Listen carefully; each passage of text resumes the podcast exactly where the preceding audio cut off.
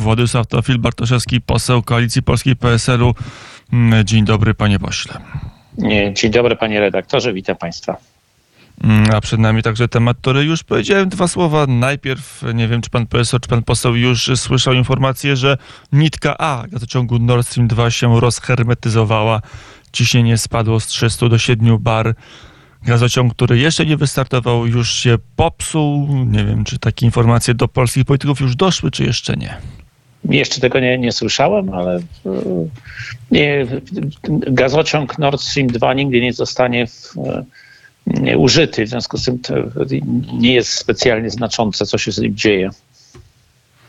No chociaż zawsze był pod gotowością, był pod, parę, był pod parą, był napełniony tym gazem technicznym, mógł być uruchomiony. Teraz wydaje się, że to może nie być takie proste, ale to e, skoro od tego newsa, który jeszcze nie jest powszechnie wiadomy, przejdźmy do informacji, którą chyba wszyscy, którzy się energetyką zajmują, mają w kalendarz wpisany jutro.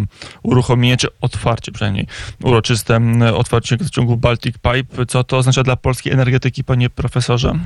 No, na chwilę obecną nic. Natomiast e, jest bardzo dobrze, że takowy gazociąg powstał um, i że będzie m, możliwość dostarczania nim kiedyś 10 miliardów metrów sześciennych e, gazu. Um, to nie nastąpi w, ani w tym roku, ani w przyszłym roku, bo mamy zakontraktowane 2,5 miliarda metrów sześciennych gazów na 2023 i, e, i, i wszystkie gazociągi, które dostarczają gaz do Baltic Pipe e, są w- pełni zakontraktowane, także tutaj nie ma żadnej szansy na zwiększenie tego e, przesyłu, ale w perspektywie czasu jest to bardzo dobry, nie, dobry znak, no bo ja wolę, Ale to pan gaz- profesor jest pewien, bo pojawiły się informacje, że jednak e, gdzieś tam e, PGNiG ma zarezerwowane moce w tym europejskim gazociągu, który wpięty jest Baltic Pipe w Europipe 2 i że tam są moce zarezerwowane przesyłowe, że, że być może od przyszłego roku ten gazociąg będzie funkcjonował coraz lepiej. Mamy, to prawda, nie komunikat PGNiG-u, ale wypowiedzi no, poważnych polityków, że są dodatkowe kontrakty i ten wolumen gazu zakontraktowanego sięga już 5 miliardów metrów sześciennych od przyszłego roku. E, Mamy wypowiedzi niecałkiem poważnych polityków, natomiast e, pani e, minister Moskwa potwierdziła na spotkaniu Komisji Energii, że 2,5 miliarda metrów sześciennych tak, ale nic więcej w przyszłym roku. Więc ja się opieram na, na tym, co mówi minister rządu, niezależnie od tego, że jestem sceptyczny do tego rządu nastawiony, ale, ale raczej tutaj przychylam się do oficjalnej wypowiedzi pani minister niż do niż do spekulacji polityków, którzy niekoniecznie się na tym znają i nie tak dawno mówili również, nie będę już nazwiska ich wymieniał, rozmaici politycy, że nam węgla nie zabraknie, a nawet będziemy mieli więcej niż 100% tego, czego potrzebujemy. Mm, Pytanie mm, to jeszcze o ten gaz zostańmy. Mm, t- Wczoraj rozmawiałem z Januszem Steinhofem, który mówił, że to jest jednak wielki mm, sukces i nie był aż tak krytyczny jak pan e, profesor. Mówił, że to może być już e, w najbliższym roku bardzo istotne zasilenie i droga do dywersyfikacji i do niezależności energetycznej Polski od e, surowców z Rosji. No w tej chwili już jesteśmy niezależni od surowców z Rosji, ponieważ Rosjanie nam nic nie sprzedają. W zeszłym roku kupiliśmy 6 miliardów metrów sześciennych gazu od Niemiec, tylko że to nie był niemiecki gaz, tylko rosyjski gaz pompowany Nord Stream 1. No ale mniejsza o to, ja jestem jak najbardziej zwolennikiem e, tego, że mamy Baltic Pipe. Jestem jak najbardziej zwolennikiem tego, że mamy, że mamy e, gazoport w Świnoujściu i, i zawsze byłem za dywersyfikacją, jeśli chodzi o, e, o źródła z dos- dostawy e, węglowodorów. Bo A nat- natomiast e, i sam Pan profesor był pewien, ale w. PSL-u, w PSL-u to nie jest powszechny głos. Jeszcze w styczniu tego roku e, były prezes PSL-u mówił zupełnie zgoła co innego, że to jest rura nam niepotrzebna, że nie ma w ogóle powodu budować innych połączeń gazociągowych niż z Rosją. Waldemar No, Pawlak tutaj- oczywiście, tutaj styczeń mam tego tutaj- roku. Tutaj mam odmienne zdanie, dlatego że chodzi o to, żeby mieć możliwości dy- dywersyfikacji. To nie chodzi o to, żeby kupować gaz przed najazdem Rosji na Ukrainę. E, Myśmy bardzo dużo kupowali rosyjskiego gazu e, za rozmaitych rządów, no, chcę podkreślić. A dlaczegośmy to robili? Bo był najtańszy. W związku z tym, jak się tym kiedyś zajmowałem 15 czy tam 16 lat temu, to ja stawiałem przed rządzącymi taką alternatywę. Możemy kupować ropę i gaz z innych źródeł, ale będziemy za to więcej płacić. Więc czy chcecie mieć e, wyższe ceny na przykład na stacji benzynowej, czy nie? Bo myśmy, jako, jeśli chodzi o dywersyfikację z gazem, to wtedy była e, nierealna. Dopiero potem, jak zaczęliśmy budować e, port, gazoport LNG w Świnoujściu, który się zaczął za naszych rządów, to znaczy PO-PSL, i to wtedy zaczęły być jakieś szanse na dywersyfikację gazu. Natomiast jeśli chodzi o dywersyfikację dostaw ropy, to one zawsze istniały, bo był port w Gdańsku, był rurociąg z Gdańska do, do rafinerii w Płocku i oczywiście do, do, do rafinerii gdańskiej, potem Lotosu i były magazyny i to i tu mieliśmy możliwości od razu, ale ropa z Rosji po prostu była tańsza i nikt nie chciał płacić więcej, jak mógł płacić mniej. No, i, i, ale to, że była możliwości kupna skądinąd i to, że rafineria w Płocka przerabiała e, kilkakrotnie e, ropę, e, ropę z innych, od innych dostawców, bo przerabiała ropę od Saudi Aramco, przerabiała ropę z Kuwejtu, a murzejki przerabiały ropę z Wenezueli. No więc, e, więc jeżeli, tylko to wymaga przestawienia się technicznego rafinerii, to zajmuje kilka tygodni przynajmniej i nie wszystko można robić to samo, bo, bo te ropy mają inną charakterystykę. Ale to było możliwe, w związku z tym to nam dawało bezpieczeństwo. Natomiast rzeczywiście, dopóki nie było gazoportu i teraz Baltic Pipe, to byliśmy skazani na, e, na, na gaz rosyjski. No i taka była rzeczywistość. Mm, teraz ona będzie co nieco inna, chociaż czekamy jeszcze na jeden element, czyli na pływający gazoport gdzieś w Trójmieście e, Gdynia-Gdańsk. To da nam kolejne kilka e, miliardów metrów sześciennych gazu rocznie i dopełni nasz bilans. To panie pośle od, od gazu przejdźmy do energetyki. Są pierwsze przecieki dziennikarskie, pierwsze mm, informacje co do projektu rządowego, który ma pomóc mm, utrzymaniu cen energii dla mm, małych przedsiębiorców, dla samorządów, dla spółek wrażliwych. Zdaje się, że rząd będzie chciał ustanowić cenę maksymalną dla tych odbiorców. To dobry kierunek zmian?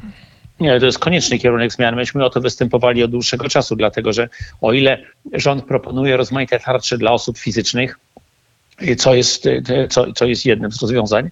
O tyle przez dłuższy czas zapomniał w ogóle o, o e, małych przedsiębiorcach. Więksi przedsiębiorcy to reagują tak, że na przykład zakłady azotowe powiedziały, nie będziemy produkować azotu. E, co, co I pojawił się projekt ustawy dopłat, co zostało już pokazane parę dni temu.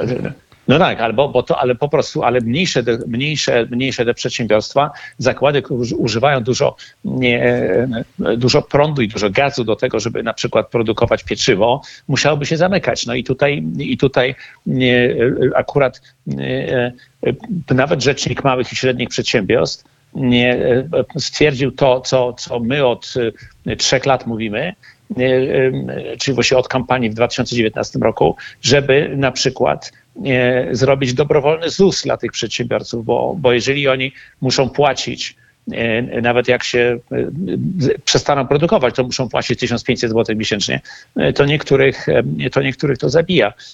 I, i ceny, i, i to jest bardzo dobrze, że rząd zaczął iść w tym kierunku. No to myśmy to mówili już od, od wielu tygodni. E, a jakie będą koszty tego typu operacji? Bo to jednak ktoś będzie musiał e, ponieść e, no to, że są ceny maksymalne, że pojawia się de facto taryfa dla kolejnych osób, a te ceny w taryfie będą niższe od rynkowych. Ktoś będzie musiał te straty spółkom energetycznym mm, zbilansować. No to tylko jedna osoba może te straty zbilansować i ta osoba nazywa się podatnik. Czyli wszyscy bo, się bo rząd, nie ma, bo rząd nie ma własnych pieniędzy. Znaczy pan prezes Glapiński e, chętnie je drukuje, e, ale, ale de facto rząd dysponuje pieniędzmi, które zbiera w formie podatków od firm i obywateli. No innych pieniędzy rząd nie ma. E, jeżeli rząd sobie jeszcze dodrukuje pieniędzy, to inflacja poszybuje w górę, bo to jest rozwiązanie wenezuelskie. No, wydaje się, że jest nadzieję, że postulat nie. nowych podatków, ale to opozycja poprze, no bo jeżeli opozycja mówi A, mówi, są potrzebne ceny maksymalne energii dla kolejnych, dla przedsiębiorstw, dla samorządów, dla szpitali, dla szkół, e, dla, e, dla żłobków i tak dalej, i tak no to też, jak rozumiem, poprze jakąś wersję nowych podatków. W rządzie mówi się o e, podatkach od nadmiarowych zysków, od przedsiębiorstw dużych w polskich warunkach, czyli powyżej 250 pracowników. Ten postulat opozycja PSL, Koalicja Polska przyjmie, panie profesorze? Tu problem z polityką rządu polega na tym, że z jednej strony rzuca się pieniądze na rynek, bardzo często pieniądze, które nie mają żadnego pokrycia w, ani w dobrach, ani w usługach, przez to są tak zwane puste, co y, zawyża inflację. Z drugiej strony NBP podwyższa stopy procentowe, czyli jedna strona hamuje, druga strona przyspiesza. No jest to, y, jest to kompletnie nieskoordynowane. To, to przypomina mi ostatni E, budżet Wielkiej Brytanii, który dokładnie to samo sugeruje. My będziemy podnosić, Bank Anglii będzie podnosił stopy procentowe, a rząd, e, a, a rząd tnie podatki rzuca pieniądze na rynek i jakoś to będzie, żeby stymulować wzrost. No to, to jest sprzeczne z ogólnie przyjętymi zasadami ekonomii. I tutaj trzeba się zastanowić nad, in, nad innymi sposobami wyjścia z tego, bo to jest błędne koło. No dobrze, no, to jeżeli tu będziemy dawać cenę maksymalną, a za tym, jak rozumiem, pan profesor jest, to, to gdzie te podatki ustanowić? Czy, czy ten pomysł jest dobry? Bo to zdaje się premier Sasin z takim pomysłem wyszedł, ale też, też się rodziło dookoła e, premiera, bo już w rządzie mamy dwa, może i trzy i cztery ośrodki władzy i te różne ośrodki mają różne pomysły, to inna dyskusja, no ale zdaje się jest jakiś jeden wspólny pomysł, żeby obłożyć podatkami e, spółki energetyczne, państwowe, prywatne również. To jest droga do zbilansowania budżetu? No ale spółki Skarbu Państwa mają absolutnie wyśrubowane marże, marże i nieprawdopodobne zyski, y, które to idą do do e, Ministerstwa Skarbu, Skarbu no, czyli do Ministerstwa Finansów, no bo to są zyski, które ze spółek rządowych idą, idą w, w postaci również podatków. Do akcjonariuszy, bo wtedy musiałyby wypłacić dywidendy, tak? To też no, dywidendy w... trafiają do akcjonariuszy, a Skarb Państwa nie jest zawsze jest w 100% e, akcjonariuszem nie, nie jest, różnych nie spółek. jest, ale jest bardzo znaczącym akcjonariuszem. I, i, i, i, i, i, i to jest na rękę. Jeżeli my mamy jeżeli spółki e, tego typu będą płaciły 50% od, od zysków, e, e, to podatnicy będą musieli te produkty drożej kupować. No to, to, to, to na, na wygląd, tak wygląda rzeczywistość. To jest, więc to nie jest takie, to, to nie jest ale jest taka możliwość, żeby premier Sasin czy premier Morawiecki powiedział spółkom, teraz sprzedawajcie prąd o 20% taniej, mimo że wszędzie dookoła jest drożej. I no spółki no jest... prywatne też na naszym rynku ob obracające wcale nie mają tańszych y, marsz niż spółki, gdzie jest udział Skarbu Państwa, więc chyba jest jakiś inny czynnik niż tylko e, pazerność prezesów tych spółek.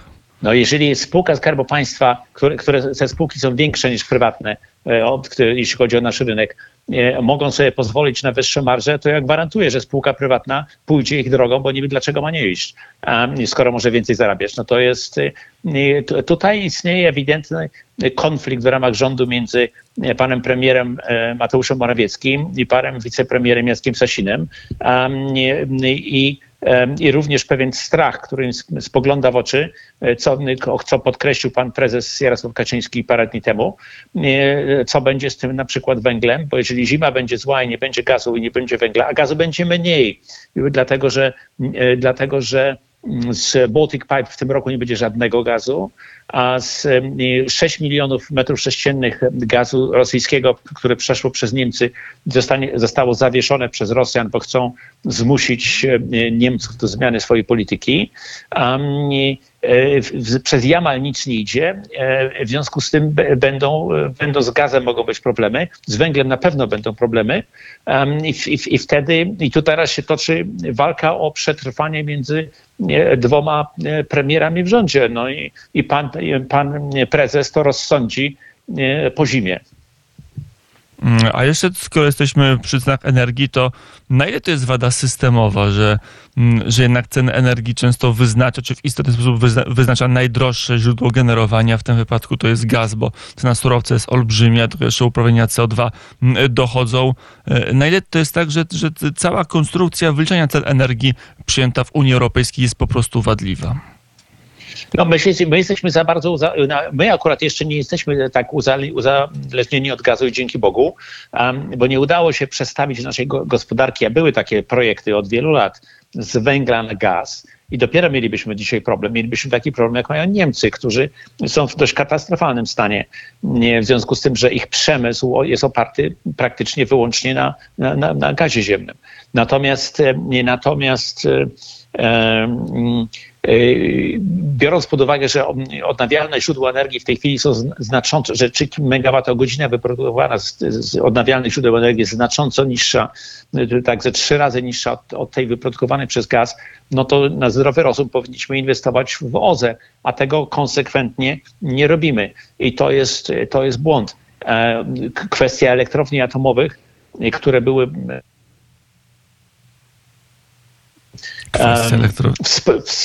wspomagania tego systemu, e, to się ciągnie. No ja przepraszam, ja pamiętam rozmowy na temat pierwszej elektrowni za czasów komunistycznych, która miała być w Żarnowcu i od tego czasu się bardzo mało posunęli, a budowanie takiej elektrowni trwa latami, no więc e, i tutaj wszystkie rządy wolały to spychać, że tak powiem, w inną stronę, żeby tych decyzji trudnych nie podejmować. Wygląda na to, że teraz... Tu może pan poseł jest niesprawiedliwy, bo teraz coś się jednak ruszyło. Okej, okay, koparki jeszcze nie jeżdżą, beton na zbrojenia się jeszcze nie wylewa pod y, elektrownię atomową, no ale są już pewne ruchy. Jest, y, zdaje się, powoli wybierany kontrahent, montaż finansowy jest dobierany, coś się ruszyło. Ale na razie, na razie nie ma jeszcze lokalizacji zatwierdzonej. Nie ma jeszcze, y, nie ma jeszcze wyboru jakiego typu elektrownie to będą, bo, bo, bo w ramach rządu były dwie koncepcje.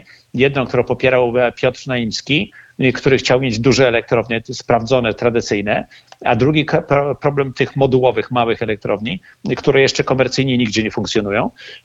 No więc nawet technologia nie była jeszcze zaakceptowana. I wygląda na to, że będziemy może szli w obie technologie naraz. No to już jest, to już jest dość kuriozalnym rozwiązaniem, ale, ale zobaczymy. Ale na razie to wszystko jest na, na zasadzie planowania, a nie na zasadzie nie, nie na zasadzie przygotowania do wdrożenia, bo jak nie mamy lokalizacji, nie mamy technologii, nie mamy dostawcy, no to jesteśmy dość daleko od tego, żeby ta elektrownia zaczęła produkować prąd. E, panie pośle, panie profesorze, Władysław Teofil Bartoszewski, poseł PSL-u, gościem Radia Wnet i Koalicji Polskiej, to ostatnie pytanie o politykę.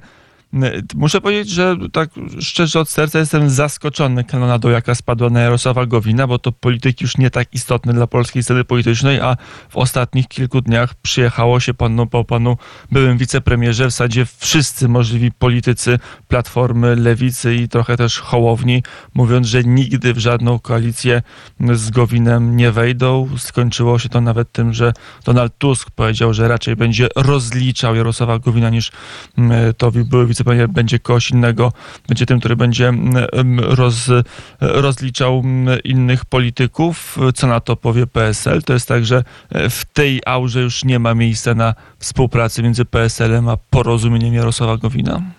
E, my od e, jakiegoś czasu współpracujemy z, z posłami, posłankami i radnymi z porozumienia w rozmaitych konkretnych sprawach i uważamy, że jeżeli oni popierają słuszne e, projekty opozycji, to powinni mieć możliwość to, robić. To, I oczywiście, że pan przewodniczący Tusk e, negatywnie podchodzi do e, pana Gowina, który odszedł z jego partii. No to, to, to są rozmaite zaszłości, na który, które ja dokładnie nie znam. Ale jaka jest ich skala po tym wtorkowym wystąpieniu sprzed niemalże tygodnia w sprawie obrodności, gdzie pojawił się Jarosław Gowin, to po prostu fala się wylała. Każdy nawet, przepraszam za sformułowanie, poseł z najdalszych ław sejmowych poczuł się w obowiązku wypowiedzieć się jak to bardzo nie lubi go Jarosława Gowina. To, to było jednak ciekawe. No, no, no tak, no to, że powiem, pan Gowin zmieniając formacje polityczne ściągnął na siebie pewne, pewne oburzenie innych polityków, chociaż jak jakby się przyglądał na niektórych członków partii tak rządzącej, jak i opozycyjnej, nie, y, to w, w, ich ramach znajdują się osoby, które wielokrotnie zmieniały bar, barwy polityczne, kluby polityczne, partie polityczne i jakoś są tolerowane. W związku z tym nie, to widać y, tutaj pewną osobistą, jakieś osobiste nie, niechęci. Pan, y, pan, pan premier, minister, poseł Gowin teraz, jeżeli jest po stronie opozycji i będzie popierał e, nasze nie, e, słuszne projekty ustaw i, i, i, i, i krytykował e, zachowanie rządu i partii rządzących tam, gdzie się to krytykować należy, no to, to moim zdaniem ma prawo uczestniczyć w życiu politycznym. No ale to jest moje zdanie. To nie, nie ja decyduję w A tej to materii. jest miejsce na listach Koalicji Polskiej PSL-u dla porozumienia dla Jarosława Gowina? Na razie nie tworzymy żadnych list wyborczych, więc to, to jest za wcześnie o takich sprawach mówić.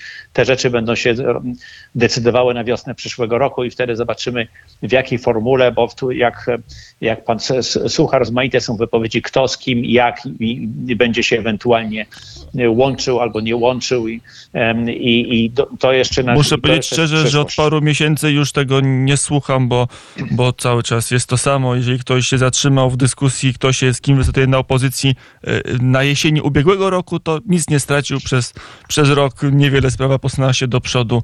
E, Akcja jak w naprawdę nudnym serialu z Netflix. No bo, no bo nie mogła się posunąć do przodu, bo jest za wcześnie. Nie, nie jesteśmy jeszcze w okresie przygotowania do wyborów. W związku z tym to są wszystko spekulacje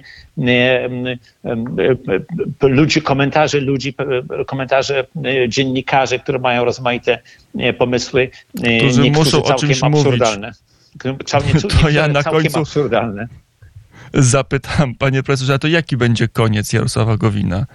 On się znajdzie na jakiejś liście opozycyjnej, czy myśli pan, że, że to jednak e, ta współpraca z PiSem, patrząc oczami i retoryką, mówiąc opozycji, była zbyt głęboka i, i nie ma na to szans?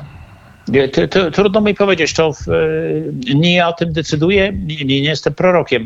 E, Trudno mi powiedzieć, ja myślę, że jest dużo, e, dużo ludzi, którzy są zaangażowani w porozumieniu, którzy z całą pewnością e, powinni dalej uczestniczyć w życiu politycznym. E, Czy to będzie Ale bez Jarosława również- Gowina. to, to, to, to mi trudno powiedzieć. To, to, w, polityce, tak jak i w, innych sferach życia, czasem decydują sprawy, sprawy emocjonalne, personalne, nie, niekoniecznie merytoryczne i w związku z tym rozmaite, rozmaicie to się może, może potoczyć. To, od tego w tej chwili bym nie, nie, nie, nie, nie jestem w stanie tego przewidzieć, co będzie za rok. E, Zobaczymy, jak to będzie faktycznie, jak to będzie na wiosnę. Chociaż może tak się stać, że Jarosław Gowin będzie musiał się poświęcić, żeby jego ludzie mogli się znaleźć na jakiejś liście. Tak to się skończy. Naprawdę w tej chwili nie jesteśmy na etapie e, przymierzania się do układania list. W tej chwili nawet jeszcze nie jest całkiem jasne, kto z kim będzie szedł, bo, nie, bo Platforma na przykład mówi, że wszyscy mają iść pod ich kierownictwem, a potem mówią, że tak, ale z lewicy to oni nie chcą, a potem mówią, że może jednak pójdziemy sami. W związku z tym nie ma jeszcze żadnych e, e, konkretnych e, planów. W związku z tym, e, jak nie ma planów co do tego, czy ta partia z inną partią się połączy w, w, w celu stworzenia wspólnej listy wyborczej, to trudno mówić jeszcze o kon- konkretnych osobach. Na pewno przy, przy, jak się będzie tworzyło listy, to, to będzie walka e, zarówno za, jak i przeciw rozmaitym osobom, żeby na nich albo były, albo nie były. Mm, Powiedział Władysław Teofil Bartoszewski, poseł Koalicja Polska PSL. Panie pośle, dziękuję bardzo za rozmowę. Dziękuję ślicznie, kłaniam się.